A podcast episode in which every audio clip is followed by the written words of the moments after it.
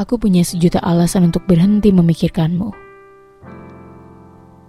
Namun, aku pun memunculkan jutaan alasan lain untuk mengingatmu kembali.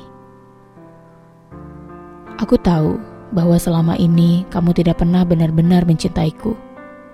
Di saat kamu adalah seluruh yang pernah aku upayakan untuk bertahan. Aku tahu bahwa bagimu aku tidaklah lebih dari pengisi waktu yang kosong. Di saat kamu adalah seluruh yang selalu aku pinta pada Tuhan.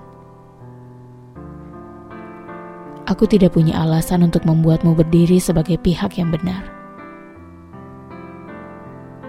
Tapi aku selalu mampu dengan mudahnya menyalahkan diriku sendiri atas segala janji yang tidak kamu tepati. Aku tidak punya alasan untuk memberimu kesempatan maaf.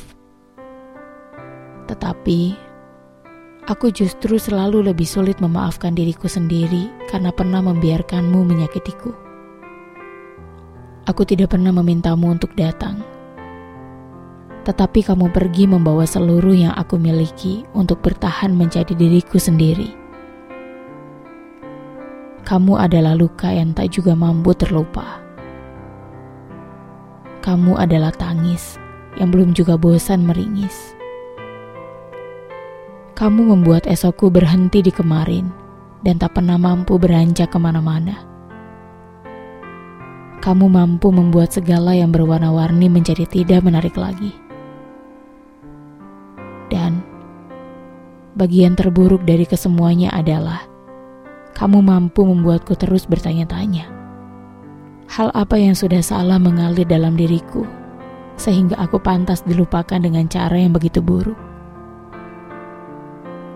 Kamu berhasil membuatku terus meyakini bahwa tidak akan pernah ada seseorang yang mampu menerima segala kurangku sebagai manusia, karena kamu saja tidak bersedia.